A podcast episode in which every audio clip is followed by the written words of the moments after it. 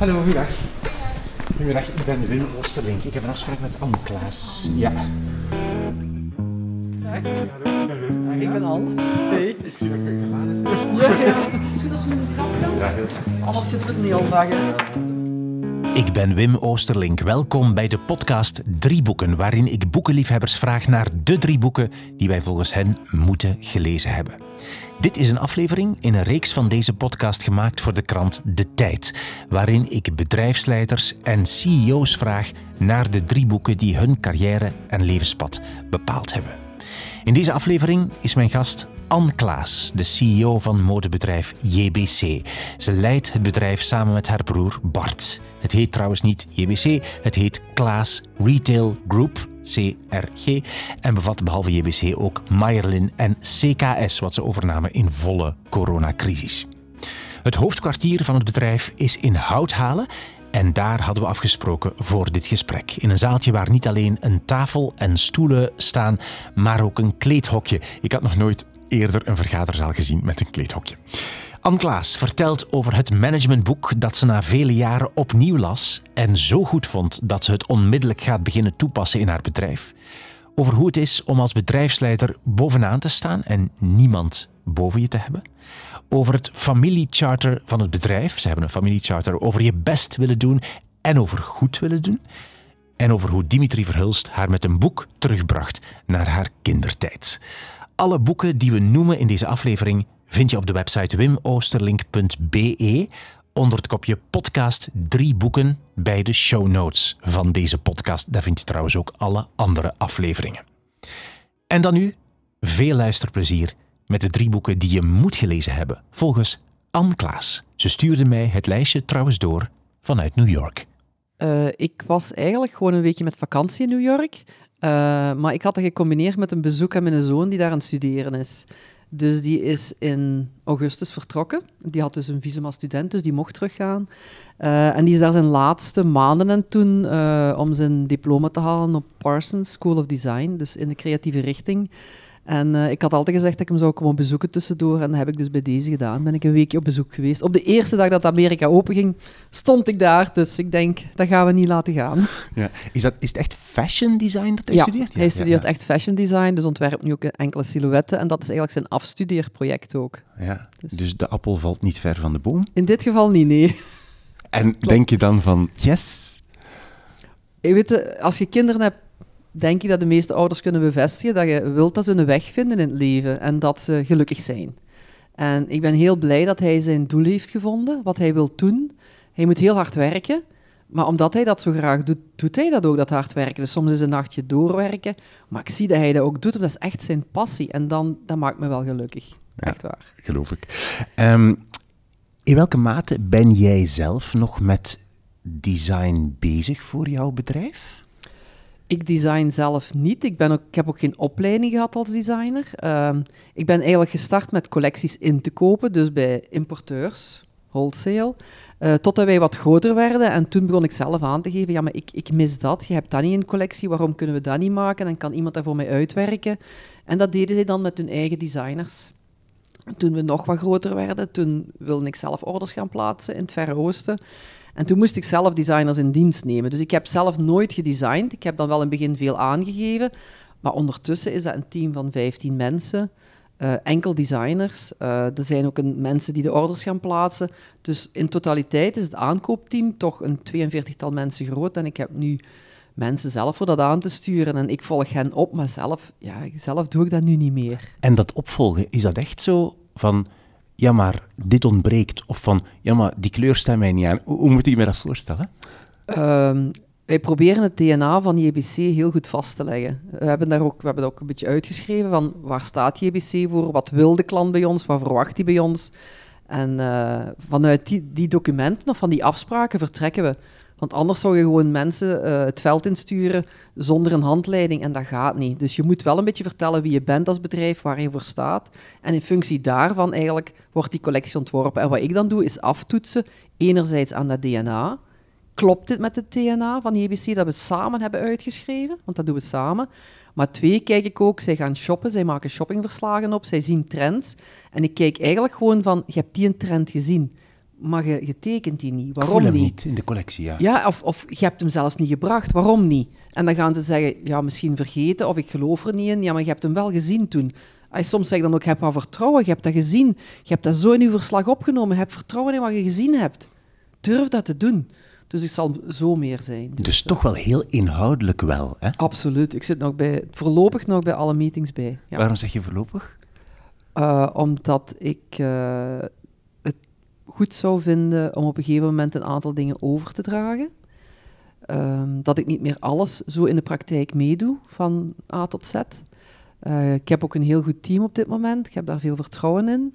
We hebben ondertussen ook Mayerlin overgenomen, CKS overgenomen, dus daar is ook een creatieve afdeling. En als ik daar ook uh, wat tijd in wil steken en de nodige tijd die ook moet om iets te kunnen zeggen, dan moet ik daar tijd voor vrijmaken. Wat dat wil zeggen dat ik niet 100% niet meer JBC kan doen. Dat is de consequentie daarvan. Ja. En daar denk je over na, van hoe gaan we dat in de toekomst organiseren? Ik denk daar samen met mijn team over na. Ik doe dat samen met hen. Hmm. Oké. Okay. Denk je dat jouw zoon later een rol gaat spelen in het bedrijf? Dat zou kunnen. Uh, ik, ik, heb vandaag daar geen plan over, omdat uw kinderen zijn uw kinderen niet. Hè? Die moet je vrijlaten, dat zijn ondertussen volwassenen. Maar uh, zij moeten sowieso, volgens het familiecharter, moeten al de kinderen, dus ook die van mijn broer, een paar jaar ergens anders gaan werken. Dus zij mogen nooit rechtstreeks van hun studie het bedrijf inkomen. So, oh, oh, charter? Wat is dat? Een familiecharter. Ja? Dat is een Sorry, overeenkomst dat, dat wij gemaakt hebben, uh, waarin staat onder welke voorwaarden wij samen willen werken. We hebben dat nog samen met ons vader gedaan. Uh, heel lang geleden, toen de kinderen nog klein waren, waarin wij afspraken maken van hoe willen wij met elkaar omgaan, wat zijn de waarden binnen de familie, maar die waarden komen dan ook terug in het bedrijf. Uh, we hebben dan ook gezegd van hoe zien we de toekomst voor onze kinderen, hoe moeten zij, moeten zij bij ons komen werken, mogen zij bij ons komen werken en hoe gaan zij met elkaar omgaan dan. Dus, uh, en daar hebben wij toen beslist van, kijk, het bedrijf is ondertussen te groot geworden. Mijn broer en ik zijn begonnen in 85. Het bedrijf was toen nog jong, kleiner. Wij zijn mee opgegroeid met het bedrijf. Dat is makkelijk om uw plaats te krijgen dan en te verdienen. Maar als je ziet hoe groot het bedrijf nu is en daar komt iemand recht van school binnen, onervaren, moeilijk, moeilijk. En je wordt dan toch altijd, of snel, niet altijd, maar het kan dat je bekeken wordt als de fils of fia, papa of maman. Ja, ja. Dus uh, we hebben dat proberen te vermijden door hen toch uh, te zeggen van ga eerst ergens anders werken.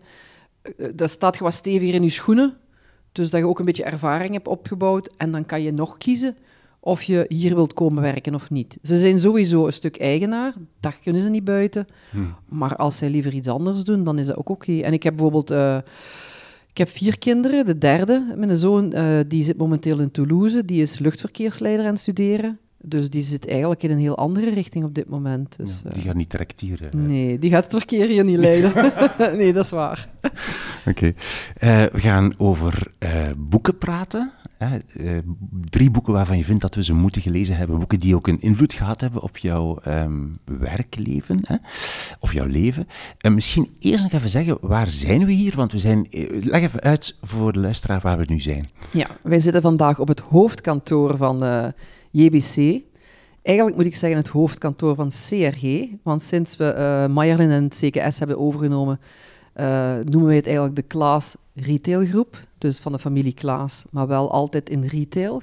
Dus we hebben alleen... Uh, Not, no airplanes. No airplanes, nee, not yet, maar oké. Okay. Dus we zitten op de Klaas Retailgroep, maar ook meteen het hoofdkantoor van JBC. Alleen Mayerlin en CKS zitten hier niet. En we zitten nu in een van de ontvangstruimtes waar bijvoorbeeld fabrikanten langskomen ja, of waar is, we mensen zien. Dat is of, een kleedhok. Dus ik, wacht, ik ga even ja. zeggen. Hè. Het lijkt een vergaderzaaltje, maar er is een spiegel en een, verkleed, en een kleedhokje, zo'n rond kleedhokje. Ja, en wij... dat heb ik nog nooit gehad in een vergaderzaal. maar wij werken met kleding, dus Bij wij passen heel veel door. Maar goed, misschien zou nog foute bedoelingen of, achter, of foute gedachten kunnen gaan achterzitten als dat bij jullie was. Dat zou raar zijn. Ja, ja. maar bij ons wordt heel veel doorgepast. Uh, van fabrikanten, van mensen die langskomen, ook uh, collecties die moeten goedgekeurd worden. Dus in de meeste ontvangstzalen hier staat één pashokje en een spiegel, waardoor die altijd ook multi-inzetbaar zijn. Dus hier kan ook een vergadering van IT plaatsvinden. Maar als dus iemand moet komen doorpassen, dan kunnen die dus in dat pashokje eh, zich even omkleden en voor de spiegel kijken, vind ik het goed of vind ik het niet goed. Ja, grappig. Is, ja, voor, sorry, voor mij is zo normaal. Natuurlijk, maar voor mij is dat grappig. Ja. Enfin, Oké, maar boeken. Um, we gaan gewoon beginnen met het eerste boek. Uh, drie boeken die een rol gespeeld hebben in jouw ja, leven als bedrijfsleider. Wat is jouw eerste boek? Wel, misschien dat ik dan toch de, dat van uh, Stephen Covey zou pakken. Ja, misschien zeg je wel Stefan, dat weet ik niet. Het is een Amerikaan. Dus, uh, en dat, gaat, uh, dat heet De Zeven Eigenschappen van Effectief Leiderschap. En ik heb dat boek een hele tijd geleden gelezen. Dus ik dacht, ik ga toch nog eens terug rap, snel tijdens mijn weekje vakantie doorlezen. En toen dacht ik van, ja, eigenlijk zou ik dit boek nu opnieuw een leidraad kunnen zijn over hoe ik met mijn team uh, mij ga organiseren, samen met hen, om toch wat verantwoordelijkheden over te dragen. Want hij blijft een, een supergoed boek. Uh, er zijn een, een, zeven principes die hij, uh, of eigenschappen die hij benoemt. En die gaan eigenlijk van, ja, je moet starten met de eerste. En het is eigenlijk een proces om tot stap 7 te gaan. Mm Misschien moet je even kort nog zo even in het boek zo de, de zeven zo een beetje opnoemen of, of ruwweg zo. Ja. Um, gewoon om een idee te hebben. Want ik, ik heb het ooit gelezen, maar ik ben ook helemaal vergeten wat die zeven eigenschappen zijn. Maar dat is zonde, want ik, ik deed het open en hij zegt onmiddellijk van dit is geen boek voor in uw boekenkast te zetten, maar om regelmatig vast te pakken. En ik denk, ja, dat is waar. Dat is waar. Dus uh, bij de, vanaf nu ga ik het doen. Ja, Wel, de eerste eigenschap is, is wees proactief. Hè? Probeer altijd uh, naar de toekomst te denken. En ook dingen oplossingsgericht aan te pakken. Daar gaat het over. Uh, eigenschap 2 zegt hij eigenlijk, begin met het einde voor ogen. Dus mhm. als je iets probeert te realiseren, denk er altijd aan, welk doel wil ik bereiken? Waar wil ik naartoe? Mhm. Want dan gaat je ook in functie daarvan werken. Eigenschap 3 is belangrijke zaken eerst. En dat is toch belangrijk. Als je elke dag aan het rennen en het hollen bent om brandjes te blussen, dan pakt je soms de fundamentele of strategische dingen niet aan.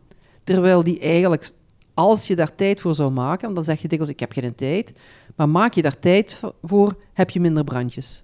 Dan eigenschap 4 moet ik even je nadenken. Echt notities gepakt. Ja, ja, ja. Ik denk van. Uh, je hebt echt uh, bladzijden denk, Vanaf vol. nu kan ik gewoon heel snel een, een update krijgen maar van dit echt boek. waar, dat, dat, gaat nogal, dat, gaat nogal, dat gaat nogal veranderen. ja, ik ga er nu echt iets mee doen, ja. Ik vind eigenschap 4 vind ik een hele mooie en die vind ik wel dat ik altijd de familie heeft die altijd toegepast al in het zakenleven. En dat is, denk altijd aan een win-win. Niet één van beide partijen moet winnen in een deal of in een onderhandeling of in een samenwerking. Je moet beide winnen, anders blijft dat niet duren. Dus, en dat vind ik wel een hele belangrijke. Mhm. dus, uh, maar voor mij ook niet, niet de moeilijkste eigenlijk om, om te realiseren. Eigenschap 5, even zoeken, waar heb ik die staan? Eigenschap 4. Je hebt vijf empathisch luisteren. Ah, ja, sorry, empathisch luisteren. Eigenschap vijf is eerst begrijpen en dan begrepen worden. Dus als je met iemand in gesprek gaat, heel vaak zegt iemand iets en zijn, ben je al aan het denken van wat kan ik daarop antwoorden. Maar probeer eerst eens vragen te stellen, wat bedoelt je en hoe komt dat? Want niet iedereen verwoordt exact wat eigenlijk de, de, de basisbehoefte is of reden is waarom iemand zo reageert. Ja. Dus eerst proberen te begrijpen. Okay. Vooral eer dat je zelf begrepen wilt worden. Mm Eigenschap 6 is op zoek gaan naar de synergie. En daarin zegt hij eigenlijk, 1 plus 1 is niet 2, maar minimaal 3. Dus als je met tweeën je eigen talenten, eigenschappen, energie samenlegt, dan is de som meer dan 2. Dus dan bereik je echt een hoger doel. En eigenschap 7, vind ik een heel speciale. Hij noemt het principes van evenwichtige zelfvernieuwing, maar dat gaat er eigenlijk om dat je u als, uh, als mens eigenlijk, zowel privé als zakelijk, in je, in uw werk, uh, constant moet ontwikkelen en moet zorgen dat je, dat je evenwicht hebt, dat het goed in elkaar zit. Dus dat je lichamelijk gezond bent, dus dat je beweegt, dat je geestelijk gezond bent, uh, dat je spiritueel gezond bent. Nu, hij heeft het over godsdienst, maar dat kan ook meditatie zijn, maar gewoon dat je rust hebt en dat je eigenlijk ook emotioneel gezond bent. Dus in je sociale relaties, in je contacten met anderen. En dat je daar tijd voor moet maken. Want eigenlijk, als je de hele dag rent en holt, ben je ook jezelf een beetje aan het uithollen of op uh, ja, een beetje roofbouw aan het plegen op je lichaam. Mm -hmm. Dus, uh, en ik denk dat dat belangrijk is dat je ook goed voor jezelf moet zorgen om goed te kunnen blijven functioneren. Het zij als moeder, het zij als partner, het zij als uh, werknemer, werkgever, noem maar op. Um, wat vind je de moeilijkste als je die zo herleest? Hè? Als je kijkt naar die zeven principes, In Ja. jouw eigen bedrijfsvoering dan, hè, echt als bedrijfsleider, wat vind je het moeilijkste? Dat, dat is heel persoonlijk dan, want dat heeft ook te maken met wie ik ben en hoe ik ben. Eh, voor mij is de moeilijkste eerst begrijpen en dan begrepen worden. Omdat niet iedereen, heel veel mensen niet goed kunnen verwoorden wat ze eigenlijk bedoelen. Of ook niet zo open zijn. Ik ben heel open. Als je mij iets vraagt, krijg je heel straightforward een antwoord. Ook heel eerlijk. Ook al is dat niet altijd diplomatisch, maar dat gaat wel heel eerlijk zijn. Ehm, maar sommige mensen durven dat niet zo, zijn veel voorzichtiger. En ik ben niet zo goed in die vragen stellen, vind ik. Dus dan moet je proberen toch met vragen erachter te komen van wat zit erachter. En dat, dat voel ik soms wel, dat ik denk van, ja, hoe moet ik nu hier een vraag stellen? Want dan probeer ik rekening te houden met een andere kant die wel diplomatisch is. Hoe stel ik nu een diplomatische vraag? Maar dat is niet mijn sterkste eigenschap. En dan zeg ik soms gewoon van, sorry, ik weet niet hoe ik dit moet formuleren. Ik ga het misschien te direct zeggen, maar ik ga het toch maar even op tafel gooien. En dan stel ik de vraag heel direct, maar ik probeer me dan maar te verontschuldigen van, ja, weet je... eh, maar, maar dat vind ik voor mij persoonlijk vind ik dat de moeilijkste. En is dat iets waar je als bedrijfsleider, die echt eh, veel mensen onder jou he- heeft, hebt, eh, heb je daar aan moeten werken dan? Heb je daar, ben je daar lang al bewust mee bezig? Is dat iets waar je aan denkt, waar je mee bezig bent, waar je last van hebt?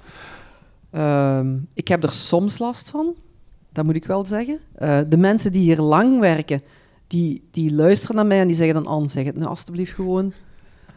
Want anders snappen we niet meer. Als jij zo begint, snappen we niet. Die Dus weten het al te goed. Maar ja. die kennen mij en die weten ook dat daar niks fout mee bedoeld is of zo, als ik daar heel direct in ben.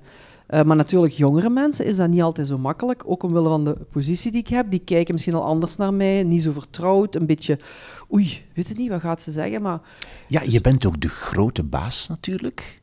Dat wat automatisch zorgt voor dat veel mensen dit niet gaan durven, dingen dur- niet Dat durven klopt. zeggen. Ja, en ook een bepaalde, eh, ook, ook al een leeftijdsverschil, weet je. En je hebt al, al, al een beetje een, eh, een historie opgebouwd. Dus iemand die hier voor de eerste keer binnenkomt, kan best heel nerveus zijn. Dus ik probeer die meestal wat gerust te stellen door heel gemoedelijk te zijn. Weet je. Ik ben ook een moeder, ik heb ook kinderen, dus ik denk dan van oké, hoe kan ik iemand een beetje eh, zorgen dat hij wel rustig is? Want dan leer ik ook de echte persoon kennen. Maar ja, niet iedereen zit hier even eh, relaxed altijd. Hè? Nee. Dat is waar. Je, hebt, je zegt, ik heb het vroeger gelezen, lang geleden. Ja. Je hebt het herlezen nu, eigenlijk voor mij. Ja, klopt. En voor mezelf. En voor mezelf natuurlijk. inderdaad. Oké, eh, maar je hebt veel notities genomen hè, in, jouw, in jouw boekje. Ga je daar nu zo mee concreet aan de slag? Of Absoluut. Ja? Ja, en, ik ga hiermee aan de slag. en hoe ja. dan? Wat ga je doen? Ehm, er is ook een werkboekje bij. Dus ik ga nu beginnen met dat werkboekje. Want na elke hoofdstuk staan een aantal opdrachten. Ik heb die nu niet gedaan, ja, ook omwille van de tijd. eh, en ik dacht, ik moet het eerst gelezen hebben, want ik moet het toch kunnen vertellen. Eh, dus ik ga nu wel beginnen werken aan, eh, aan de opdrachten. En, Maar- en daar stap voor stap doen. Je Ja. gaat dat echt doen. Ik ga dat echt doen. Ook omdat, tien jaar geleden heb ik het gelezen. Toen waren er andere werkpunten en zat ik in een andere situatie. Maar omdat je zelf evolueert, zit je vandaag opnieuw in een andere situatie. Zowel privé, hè, want toen had ik nog kinderen thuis, alle kinderen nog thuis. Maar ook zakelijk. Ik heb nu geen kinderen meer thuis. Ondertussen is Marlin erbij gekomen, CKS erbij gekomen. Het bedrijf is gegroeid. Zijn nu drie, drie dochters, drie zonen zal ik maar zeggen. Dus hè, JBC, CKS, Marlin. Maar ja, ik we moeten ze wel alle drie verzorgen. En dat was, vroeger was meer focus JBC en dat, dat is ook veranderd. Dus mijn situatie verandert ook. eh. dus ik vind dat ik nu andere dingen eruit ga halen, sowieso. Wat? Wat ga je eruit halen? Wat ga je doen? Ehm, Wat moet je aanpakken? Ik denk... eh, Sorry voor de moeilijke vraag. Nee, nee, nee, nee, maar soms moet ik wel lang aan nadenken. Maar ik denk wat mij nu vandaag het meest is bijgebleven, is met die... eh, vooral omdat ik met mijn team wil dat zij dingen gaan opnemen, gaan overnemen, wil ik gaan werken aan die synergie. Als zij ook eh, in hun hoofd zitten met... Ze zijn met drie, ik heb drie mensen onder mij die echt alle anderen aansturen. Als zij met hun drieën nu zeggen van... Bij ons is ook 1 plus 1 meer dan 2 dan denk ik dat ik hun een, een, een bepaald eh, eh, visie of gevoel meegeef waar ze iets mee kunnen. En waar ze ook met elkaar gaan, want die moeten echt samenwerken. Hè? En hoe ga je dat doen? Goh, ik vraag maar door, hè, maar... Door het gesprek met hen aan Ja, te gaan. Ja, ja. Door, doordat je zelf door te lezen bewust geworden bent van dat daar groei in zit of zo, hè? Ja, in dat ding. ja, Met hen te praten ja. En dat in te brengen in die Ja. groep of zo, zoiets. Ja, ik wil met hen een plan opmaken van oké, wat, wat betekent nu een seizoen voor ons? Want wij werken altijd in seizoenen. Hoe verloopt dat? Wat zijn de verschillende stappen? En waar zijn de raakpunten? Van, hè, iemand is verantwoordelijk eh, voor budgetten en, en eh, meer eerder de omzetten. Iemand anders is verantwoordelijk voor alle buying en sourcing. Dus waar plaats ik de orders? En je hebt iemand verantwoordelijk voor design. Dus die zijn afhankelijk van elkaar, alle drie. En daar zijn raakvlakken. Laat ons die eens benoemen en eens kijken van oké, bij elk raakvlak, hoe creëren we nu een synergie? Dus dat we het beter kunnen maken voor buying, voor design, voor de omzetten te halen, voor de budgetten. Hoe, hoe gaan we dat doen? Dus ik denk dat we dat samen moeten doen. Ik kan dat niet alleen. Mhm. Dat werkt dan niet. Heb je in, in je carrière momenten gehad waarop je bewust was van het feit dat het niet gelukt was? Dat je zoiets wou doen en dat het niet lukte? Oh ja, veel. ja, veel. Wat niet lukt, blijft altijd beter bij dan wat wel lukt. Hè? Ja, bij mij toch, vind ik dus. eh, ja, het lukt niet met alle mensen. Hè? Die mensen moeten ook eh, zo denken, dat moet zo voelen. Eh, ze moeten samen klikken, eh, zich ook kwetsbaar durven opstellen, want je moet jezelf ook blootgeven om, om als team samen te kunnen werken. Je moet ook zeggen waar je pijnpunten liggen en waarom je soms niet happy voelt in het team, opdat de anderen dat kunnen aan helpen van oké, misschien moet ik iets anders aanpakken, misschien moet ik hier ergens op letten. Dus je stelt je ook wel kwetsbaar op en dan moet er ook vertrouwen zijn. Dus, Mhm. Ehm, hoe ben je ooit bij dit boek gekomen? Heeft iemand gezegd, je moet dit lezen, of heb je het ergens gezien, weet je dat nog? Ik heb het gewoon gezien in de boekenwinkel en ik ben blij dat ik het gezien heb, want het is een ongelooflijk boek, maar eh, ik ben echt, echt een hele grote fan ervan. Ja. Maar ik heb het gewoon toevallig tegengekomen, omdat ik toen... eh, ik ben begonnen bij mijn vader en ik heb gewoon op de winkelvloer gestaan. Daarbij op een gegeven moment ben ik me meer gaan bezighouden met collectie en zo. En deed ik in het begin deed ik alles zelf. We waren, op een gegeven moment kwam er wel iemand bij en deden we dat met tweeën, dat we het werk wat konden verdelen. Maar eigenlijk deden we heel veel samen. Maar ik, dat is niet leiding geven. Maar op een gegeven moment, als dat team groter werd, moest ik in één keer gaan leiding geven. En ik denk, ja, ik heb dat niet geleerd, hè. Moet ik dat nu zomaar kunnen? En dan zag ik dat boek staan. Ik denk, en ik lees wel graag en ik lees ook veel. Eh, en dan zag ik dat boek staan, effectief leiderschap. Ik denk, ja, misschien kan dat mij helpen. Kan ik daar iets van leren om, om een beter leidinggevende eh, persoon te worden? Dus eh, daarom heb ik het toen meegenomen en ik ben er ook heel blij mee. Dus. Ehm, je, je zei, of Stephen Covey zei, dat het niet voor in de boekenkast is, maar stond het nu Ja. thuis in de, in de boekenkast? Ja. Het stond in de boekenkast, ja, En absoluut. Eens vertellen hoe je boekenkast thuis eruit ziet?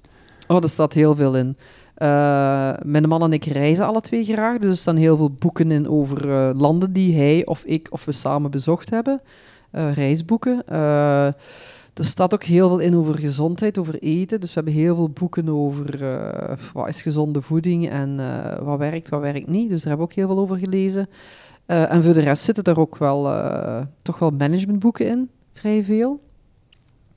En dan eh, ja, ook de, de gewone leesboeken, hè, de Ja. gewone... Romans. Ja, en ik hou wel, eh, ook mijn man houdt van de, de, de Vlaamse schrijver, Pieter Aspe. Eh, en ik vind, ja, Griet op de Beek vind ik ook leuk. Ik vind Dimitri Verhulst vind ik super, lees ik heel graag. Er zit ook Tom Lanois in, dus... eh, En is, heb je een, een soort boekenkast tegen Ja. de muur van Ja. de living of zo? Of hoe moet ik me dat voorstellen? Eh, in de bureau, bureau. We hebben een, gezamenlijke bureau thuis en daar is een heel grote boekenkast. En de boeken staan daar al dubbel. We krijgen ze niet meer... eh, ja. Terwijl ik soms zeg van ja, op de iPad kun je het ook lezen, maar je kunt dat niet zo vastpakken. Dat is toch anders, hè? Je kunt wel lezen op de iPad, maar je kunt hem niet terug vastpakken en eens openslaan op een pagina waar je iets aangeduid hebt. Dat is toch anders, vind ik zelf. Ja, eh. liefst het fysieke boek, toch? Ja, is toch leuk, ja. Ja. ja. Oké, goed. Jouw eerste boek, Stephen Covey, of Stephen Covey, met de zeven eigenschappen van effectief leiderschap. The Seven Habits, gelijk dat we zeggen, hè? Seven bekende Habits, boek. Wat is jouw tweede boek? Goh, mijn tweede boek is Start to Sleep eh, van Annelies Smolders. Ehm, en dat heb ik eigenlijk gekregen eh, van mijn man. Eh, omdat er een periode is geweest, maar ik denk dat dat onge- ongeveer zes, zeven jaar geleden is, dat ik echt, echt een slaapprobleem had. Eh, ik denk dat ik eh, minstens vijf, zes nachten op een week niet echt sliep, doorsliep. Ik werd dan wakker om twee uur, half drie. Tegen vijf uur kon ik dan terug in slaap vallen. Maar ja, om, om zes uur ging de wekker, want de kinderen moesten allemaal naar school, dus je moest ook op. Uh, en dan moet ik eerlijk zeggen, dat was ik echt wel geradbraakt. Ik voelde me op het eind van de week soms echt een zombie. Dat is echt, dat is echt niet gezond. Uw slaap is echt brood en brood nodig. Dat kan ik absoluut bevestigen. Uh -huh. Ik ging dan ook nog veel naar het Verre Oosten, want toen mochten we nog reizen. En dat maakte dat als ik dan naar het Verre Oosten ging, ik had al dat slaapprobleem, maar door de jetlag werd het alleen maar erger. Dus ik had het probleem, ik ging naar China. En ik kon dan niet vroeg in slaap vallen, dus ik bleef heel lang wakker. Na een week was ik dan een beetje op dat tempo, maar dan kwam ik terug ja, en dan had ik hier een probleem. En zo ging dat maar op en neer. Weet je niet, een keer naar, naar China, een keer naar India. Dan ging ik nog eens naar New York voor te shoppen. Dat deed ik toen ook nog. Dus ik zat daar constant en uh, daar heb ik echt wel, uh, heb ik echt wel van afgezien toen. Uh. En jouw man heeft jou dit boek dan gegeven, van dit ja. gaat helpen? Hij is een workshop gaan volgen, omdat hij was aangesloten bij een vereniging. En Annelies kwam daar een workshop geven. En hij was eruit genodigd, hij mocht die workshop mee gaan volgen, dus hij gaat die mee volgen. En hij had dat boek bij van mij, maar hij wist natuurlijk hoe ik ja, daar tegenaan liep en hoe ik s'morgens ooit echt gewoon geen mens was. Uh. Dus, en hij heeft me dat boek toen gegeven. En, en dat heeft eigenlijk wel gemaakt dat, dat ik er eigenlijk vanaf ben nu en dat ik nu een, goeie, een, een oké slaper ben. Dus door het lezen van dat boek, dat boek heeft je veranderd dan? Heeft jouw slaappatroon veranderd? Heeft alles veranderd? Heeft alles veranderd. En ik ben dan daarna ook de workshop gaan volgen bij Annelies. Dus ze heeft ook nog een keer persoonlijk uh, uh, feedback gegeven over uh, hoe ik slaap en wat haar advies is. Maar en dat werkt. Wat is het belangrijkste? Wat, wat heb je het meest geleerd uit dit boek? Wat ik heel snel geleerd had en wat me ook heel snel geholpen heeft, en dat is misschien heel raar, is dat je er niet zo over moet piekeren. Want het eerste wat je doet als je zo niet slaapt, je gaat in je bed liggen en je denkt van, oh, ik hoop dat ik slaap. Ik hoop echt, echt dat ik deze nacht slaap. Ik wil, ik wil niet wakker liggen. En dan ook tegen mijn man oh, ik zou zo graag een keer eens goed slapen. Maar je begint dan in je bed met een beladen gevoel van, ik moet slapen. Zo, ja, en dat, dat geeft al enorm veel stress. Dus dat vond ik persoonlijk al een hele belangrijke. En een, een tweede punt is van, ja, ik ging gewoon op een gegeven moment te vroeg slapen, want je bent dan ook moe. Dus je gaat vroeger en vroeger in je bed kruipen. Maar ja, dan word je, natuurlijk word je dan wakker, want dat is veel te vroeg. Dus Annelies heeft gezegd, Anne, je hebt zoveel slaap niet nodig, je moet niet zo lang in je bed liggen. Ga gewoon wat later slapen. Dus in de plaats van om tien uur te gaan slapen, ga gewoon eens om elf uur slapen. Dat mag ook een keer half twaalf zijn, maar dan die zes uur dat je slaapt, slaapt je ook wel. En dat is voor mij ook wel een belangrijke geweest. En dat heeft geholpen, dus ja, duidelijk. Absoluut geholpen. absoluut geholpen, ja. En, en ook als ik nu nog eens een keer wakker lig, kijk wel eens een keer iets op Netflix, want dat ontspant. Je moet je gedachten verzetten, niet beginnen piekeren. Dan vind ik dat ook geen drama. Ik kan dat nu ook relativeren van, oh, weet je niet. Dit kan ik handelen, denk ik dan nu. Maar toen was dat gewoon en, en, en de hele tijd. Dus ik was, uh, was niet leuk. Dus je kent Annelies Smolders nu ja. dan ook. Is, is, is hij een uh, slaapspecialiste, psycholoog? Wat. Is hij? Ja. Zou ik het eigenlijk goed moeten opzoeken? Nee, nee, nee, maar ja. zo, het is wat je aanvoelt. Hè? Ja, ja. het is psycholoog, ja. ja. Um, heb je die persoonlijke begeleiding achteraf, na het boek, was dat dan die workshop die je gedaan hebt, ja. was dat dan nog een, verdiepte dat dan nog of zo, wat je gelezen had? Of was eigenlijk het boek al voldoende? Hoe ging dat? Uh, het boek heeft mij geholpen, dus ik kon toen veel beter slapen. Maar zij heeft dus echt daar gezegd, want je moet je slaappatroon en uh, hoe gaat het, wanneer ga je slapen en wanneer sta je op en zo en wat gebeurt er allemaal. En dan heeft zij tegen mij gezegd van, ik denk dat jij minder slaap nodig hebt, dus ga wat later slapen. Dat heeft ze concreet gezegd. Ja. Zij heeft me ook tips gegeven van, hoe ga ik nu om met jetlag? Dus en ik ben nu recent teruggekomen van New York. Uh, zij is ook voorstander van melatonine, eventueel, omdat je dan op een gegeven moment, je komt terug van New York, uh, je zit daar zes uur terug in de tijd. Dus als je hier wilt gaan slapen om tien uur, is daar vier uur in de middag. Dus je lichaam zegt, ja, wat moet ik gaan slapen? Dus je pakt dan melatonine, één tabletje of zo, maar je gaat automatisch mee op het slaappatroon terug van België. Waardoor je niet dat een week blijft meeslepen. En dat is deze keer ook gelukt. Dus ik ben teruggekomen. Ik ben maandags teruggekomen, onmiddellijk beginnen werken. En ik heb de hele week gewerkt. En dat is eigenlijk heel goed gegaan. Ja, ja. Dus daar geeft zij ook wel heel concreet Ja. tips voor. En tijdens die workshop, dan zit je daar met zoveel mensen. En die hebben allemaal een slaapprobleem. Of wel anders. Maar dan denk je, hey, ik ben niet alleen. Maar ik, denk, allee, ik heb soms het gevoel, slapen is de nieuwe luxe. Echt waar. Hoe, hoe bedoel je? Ik denk dat veel mensen uh, tegen dingen aanlopen of niet in slaap vallen, uh, of wakker worden inderdaad, of ja, van alles. Maar iedereen heeft zo zijn eigen ding, waardoor hij toch eigenlijk te weinig slaap heeft, of het gevoel dat hij te weinig slaap heeft, wat ook al erg is. Hè? Mm ja. het is net als het eerste boek, het is het tweede boek waarbij je eigenlijk zegt van, ik neem een boek en ik doe daar dingen mee. Hè? De meeste mensen lezen boeken doen daar niks mee. Hè? Maar is dat iets wat, jij, wat typisch is voor jou, dat je dan echt gaat, dat gaat bestuderen en dat gaat toepassen op je leven? Ja, maar bij sommige boeken meer en bij sommige boeken minder. het hangt ook van je persoonlijkheid af of een boek echt impact heeft. Hm. Maar bijvoorbeeld voor ons, uh, voor de business, je hebt uh, Steven van Belgem, heeft ook prachtige boeken geschreven over e-commerce, uh, hoe je met klanten omgaat en zo, en hoe zijn visie daarop is, hoe de wereld evolueert. Ja, dat vind ik altijd leuk. En op vakantie heb je tijd, dan neem ik dat mee, dan kan ik me er echt op focussen. En dan maak ik wel vaker notities. In dus dat doe ik wel. En dan denk ik, ja, als ik dan achteraf nog eens een update wil, dan kan ik daar zo eens in bladeren. Zo. En dat vind ik wel leuk, ja. ja.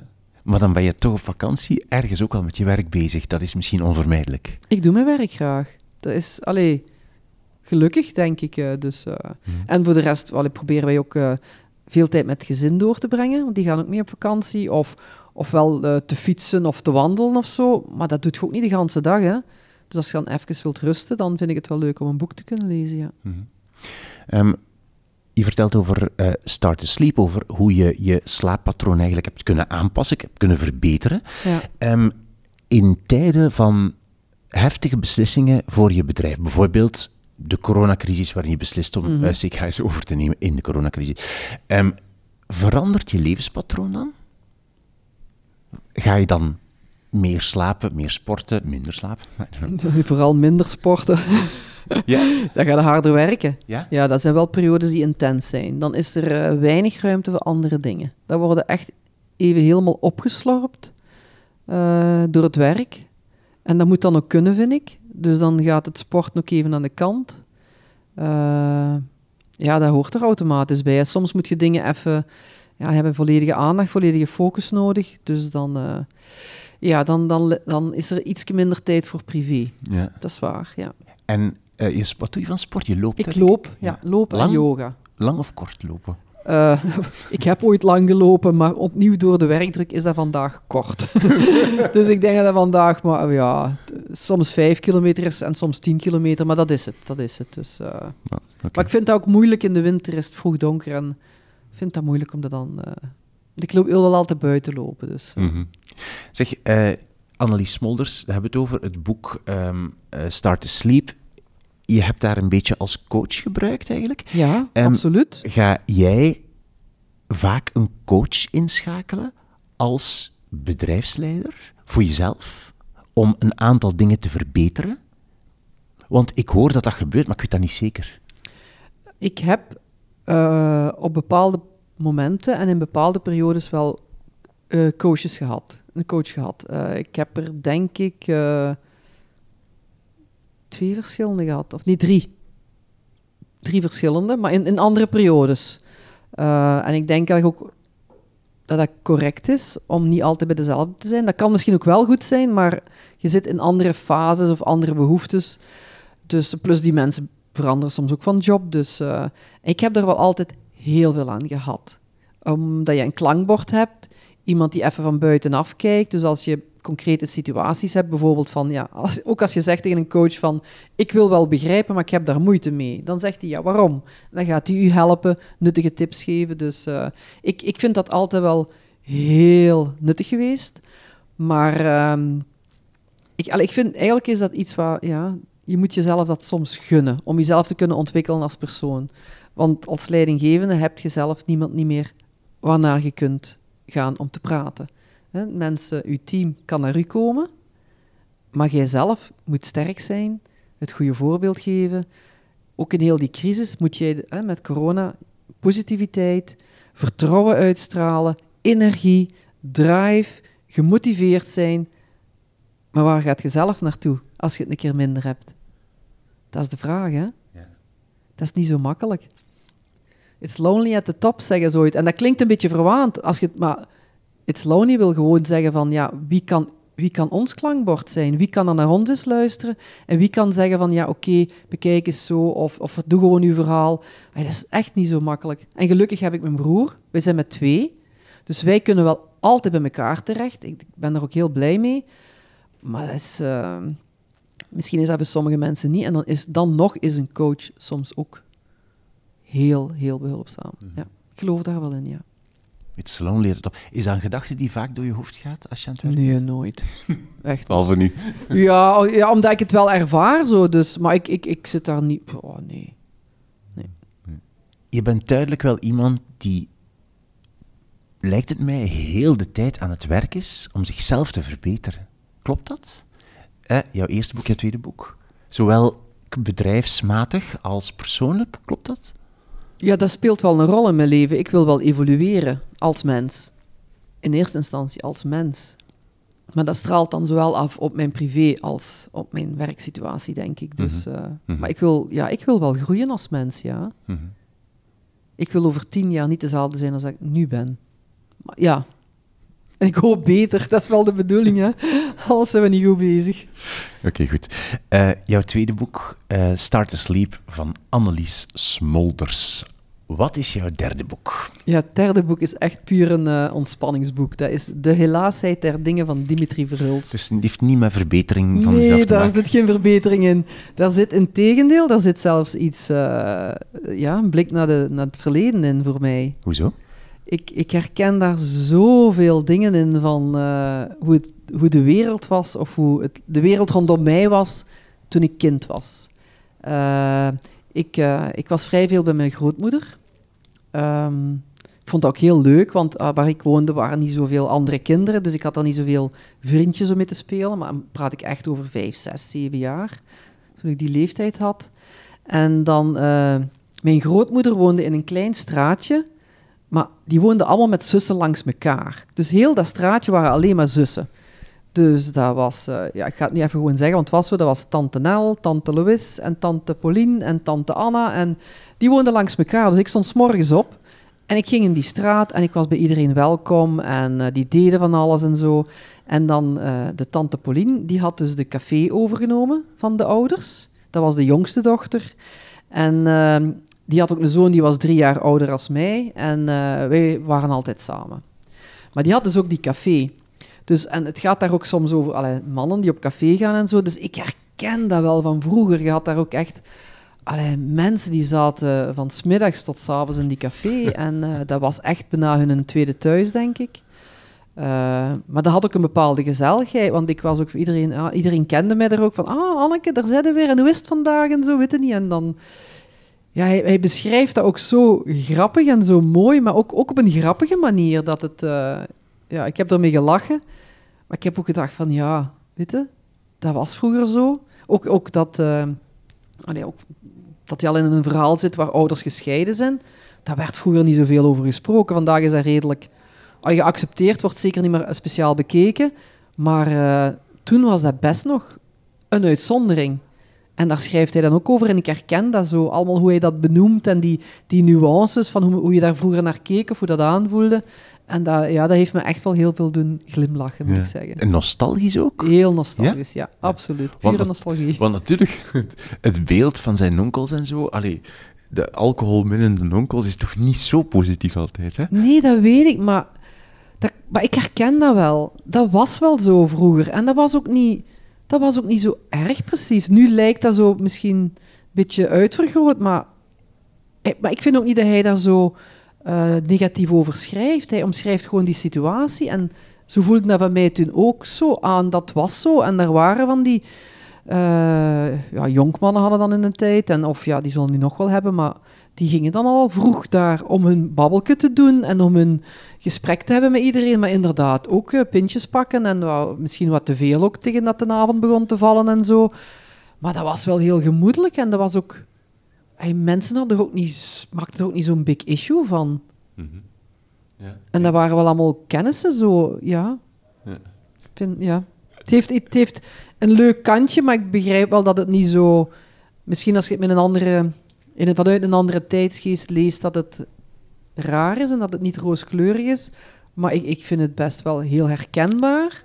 maar wel ja, leuk verteld. Ja. Eh, je zegt dat je fan, zei dat je fan was van eh, Dimitri Veronis. Heb je dan ook andere dingen van hem gelezen of is het bij dat gebleven? Nee, ik heb er eh, verschillende nog gelezen. En ik zag hem... oh, hij heeft ook een boek geschreven waarin zijn moeder meer op de voorgrond treedt. Waarmee ze een busreis maken en zo naar Duitsland. En dan mag ook niet gezegd worden dat de ouders gescheiden zijn en zo. En dan moet hij ook papa zeggen tegen zijn stiefvader. En dan zo herkenbaar. Als ik jong was, begonnen zo die mensen allemaal met de bus naar Duitsland, naar het Zwarte Woud te gaan en zo. Eh, Ja, ik vind dat gewoon zo grappig hoe herkenbaar dat allemaal is. En dan... eh, ik kan even niet op de naam komen. Iets van mijn moeder, iets van moeder. eh, ja, ik kan er even niet op Ik komen. zet het in de show notes, ja. Lees je, behalve Dimitri Veronis, je hebt al Pieter Aspe genoemd. Waar ja, dat is je... mijn man. Zijn, eh, Ah, dat is jouw ja, man meer. Oké, ja, het ja. is zelf niet. En zijn er nog, eh, nog literatuurdingen, dus romans bijvoorbeeld, die je graag leest, of auteurs die je graag leest? Ja, ik heb Griet op de Beek. Kom hier dat ik u kus, vond ik een heel mooi boek. Absoluut heel mooi boek. Eh, Ik heb nu de twee boeken van Lise Spit ook gelezen. Ja. Bijzonder. heel bijzondere boeken. Wel confronterend, want zij vinden, zij haalt wel altijd zoiets... eh ja, het gaat wel altijd over mensen die toch wel ja, het niet makkelijk hebben. Die ergens met een, een kronkel zitten, Ja. als ik dat zo mag zeggen. Of die iets meegemaakt hebben, dat kan ook. Maar Zeker. er zit wel een kronkel in. Dus die zijn iets heftiger, maar, maar ik lees die ook graag. En het ja. tweede speelt zich af in een eh, klerenwinkel ook, deels. Ja, dat is waar. Ja. Maar het gaat eigenlijk over de, de man. Hè. De man heeft de kronkel, hè. maar dat is waar. Ja. Waren er thuis als kind veel boeken in huis? Eh, nee, Eh, alleen de encyclopedie. Dat stond daar. Maar mm, mijn moeder heeft ons wel altijd gestimuleerd om te lezen, maar we gingen naar de biep. Dus, eh, en zij gaf dan soms ook aan van lees dit of lees dat eens of pak dat eens mee. Dus eh, zij was ook onderwijzeres, misschien vandaar. Eh, maar zij gaf altijd wel goede tips. Dus, Dus dat was, zij stimuleerde het lezen Ja, wel in huis. ja. absoluut, ja, Ja, ja, ja. klopt. Ik wil nog iets vragen over, eh, over JBC, ah, over het grote bedrijf. Eh, jij steekt veel energie in ehm, verantwoord ondernemen. Hè? Ja, klopt. Heel veel, heb ik de indruk. Heb ik de indruk, dat klinkt zo raar. Eh, je eh, bent eh, gaan pleiten voor een... je hebt gepleit voor een regelgeving voor bedrijven die zich duurzaam willen noemen, bijvoorbeeld. Eh, recent nog ehm, de gendergelijkheid. Je hebt, hebt, eh, het Ja. genderverschil opgegeven in de etikettering van de winkels, als ik het goed eh, uitdruk. Heel goed uitgedrukt. Ja, Amai. Absoluut. Je hoeft dat niet te doen, hè? Waarom doe je dat? Omdat dat overeenstemt met onze waarden. Dus eh, eh, ik vertel vaak het verhaal. Als ik de eerste keer naar China ben gegaan voor fabrikanten te zoeken, dan staat je voor een fabriek en dan vraagt je af: ga ik binnen of ga ik niet binnen? Hè? En in eerste instantie moet die fabrikant een goed product kunnen leveren. Maar je moet je dan ook de vraag stellen: doet hij dat op de goede manier? Je kunt toch niet anders? En dan hebben wij wel altijd zoiets gehad, want in ons familiecharter staat dat respect een belangrijke waarde is. Maar respect geldt voor iedereen. Voor elkaar binnen de familie, voor alle mensen waar we mee samenwerken, maar ook de mensen waar we mee samenwerken in een verder land. Daar moet je ook respect voor hebben. Dus we hebben onmiddellijk gevraagd aan die mensen van ja, hoe produceren jullie en willen jullie meestappen in ons verhaal om op een eh, correcte wijze met jullie mensen om te gaan, naar verloning, naar arbeidsuren, naar omstandigheden. Dus eh, ja, dat was gewoon voor ons ja, cruciaal, omdat dat vertrok vanuit onze waarden. Dus ik vond dat niet, niet zo moeilijk om dat op die moment mee te nemen. En dat gendergelijkwaardig ondernemen, ja, wij zijn broer en zus. We zijn al gendergelijkwaardig eigenlijk. Dus avant la lettre bijna, hè, 35 jaar geleden. We werken al 35 jaar samen. Dus dat is nooit geen issue geweest. Ook bij onze kinderen niet. En, en eigenlijk vind ik, eh, komt dat van onze ouders, die van in het begin naar mij toe dezelfde verwachtingen hadden als naar mijn broer toe. Naar studie of naar eh, gewoon eh, het beste van maken van uw leven of uw best doen. Daar lag de lat, moest voor alle twee even hoog liggen, waardoor zij ook stimuleerden van, ja, maar ik, wij hebben geen andere verwachtingen van, van een zoon als van een dochter. En, en dat maakt ook wel dat je zo in het leven staat van, ja, we kunnen het alle twee, weten. Mhm. En dan zit dat ja, automatisch in uw, in, uw, in uw gevoel, denk ik. En hoe je gaat werken en hoe je naar mensen kijkt. Ja. Je wil niet alleen je best doen, je wil ook het goede doen. Hè? Absoluut. Ja, die keuze heb je. Ja? Je kunt, je kunt jezelf afvragen van hoe wil ik leven? En ja, ik wil toch wel het goede doen en ik wil het goede blijven doen en nog meer goede dingen doen. Dus eh, ja. Want ik neem aan dat er sommige mensen daar dat niet leuk vinden. van die gender, eh, van wat je gedaan hebt met de, de, de etikettering bijvoorbeeld. Ja, Of dat je daar kritiek op krijgt, of dat je daardoor misschien minder winst maakt. I don't know. ik zou niet weten of we daar minder winst door gaan maken, maar ik heb wel, eh, toen het gelanceerd is, is er best wel wat digitaal op gereageerd. Nu, dat, eh, daar online op reageren is ook wel makkelijk, want heel vaak, eh, je bent daar onbekend, anoniem, dus dat is iets gemakkelijker. En je merkt wel dat mensen vaak alleen de titel lezen, maar niet het hele artikel. Dus ja, maar wat ik dan wel leuk vind, is dat ik andere mensen daarop zie reageren. En, en er zijn ook wel mensen bij die ik nog ken vroeger, dus zelfs eh, vrienden van mijn kinderen, die weten wie ik ben, maar ik heb daar nu niet meer zoveel contact mee, omdat ze vroeger bij mijn kinderen wel in de school hebben gezeten. En die zeggen dan zelf, maar meneer en mevrouw, heb je het artikel eigenlijk wel gelezen? Heb je wel gelezen wat daar staat? Er staat niet dat wij alleen maar unisex kleding hebben. Nee, wij hebben kleding waarin iedereen zich kan kleden zoals hij of zij wil. En als er een meisje is dat zegt, ik wil die sweater met die een dino op, dan is dat geen jonge sweater. Dat is een sweater voor kinderen die van dino's houden. Of een jeansbroek. Is dat een meisjes- of een jongens jeansbroek? Is een jeansbroek. Maar als jij als meisje zegt van, ik wil een roze rokje met pailletjes op, dan kan dat. Maar voel u alstublieft vrij om aan te doen wat u zelf wil. En voel u niet in een hokje geduwd. En ik heb ook heel veel leuke reacties gehad van mensen die zeggen: Ah, maar geweldig, ik loop nu gewoon rond op de kinderafdeling en ik kies gewoon wat ik leuk vind. Want allee, niet dat iemand zegt: Nee, nee, dat mag niet, dat is voor jongens en je hebt een dochter. Nee, mijn dochter vindt dat leuk, dat is een blauwe sweater en die wil dat aandoen. Dus. Oké. Wil jij jouw drie boeken nog eens herhalen, alsjeblieft? Wat was jouw eerste Ja, boek? mijn eerste boek was eh, van Stephen Covey, De Zeven Eigenschappen van Effectief Leiderschap. Twee? Het tweede boek is Start to Sleep van Annelies Smolders, voor al diegenen die met eh, slaapproblemen worstelen. En het derde boek is De helaasheid der dingen van Dimitri Verhulst, om af en toe eens nostalgisch weg te dromen en te glimlachen. Wat is het eerstvolgende dat je nu gaat doen? Wat ik nu ga doen, Ja. mijn mails beantwoorden en dan heb ik nog een call in verband met de productieplanningen en de leveringen, wat vandaag de dag vanuit Verre Oosten heel veel werk is en heel veel problemen heeft. Dus eh, dat ga ik doen. Heel veel succes en dankjewel voor jouw drie boeken. U ook bedankt. Dit was mijn gesprek met Anne Klaas. Check de website van De Tijd voor meer podcasts en meer afleveringen van deze reeks. En ga naar de website wimoosterlink.be voor de show notes bij deze aflevering. Daar vind je de drie boeken die Anne Klaas gekozen heeft, alle andere boeken die we noemen in een lijstje en een foto van haar boekenkast thuis. Je vindt daar ook alle andere afleveringen van deze podcast terug. Abonneer je op drie boeken. Laat een recensie achter op de plaats waar je nu aan het luisteren bent. Dat helpt om de podcast verder te verspreiden. En doe mij een plezier en laat vandaag of morgen aan twee vrienden of vriendinnen weten dat ze ook naar deze podcast moeten luisteren en waar ze hem kunnen vinden. Ik ben Wim Oosterlink. Dit is de podcast Drie Boeken. Dankjewel voor het luisteren en tot de volgende keer.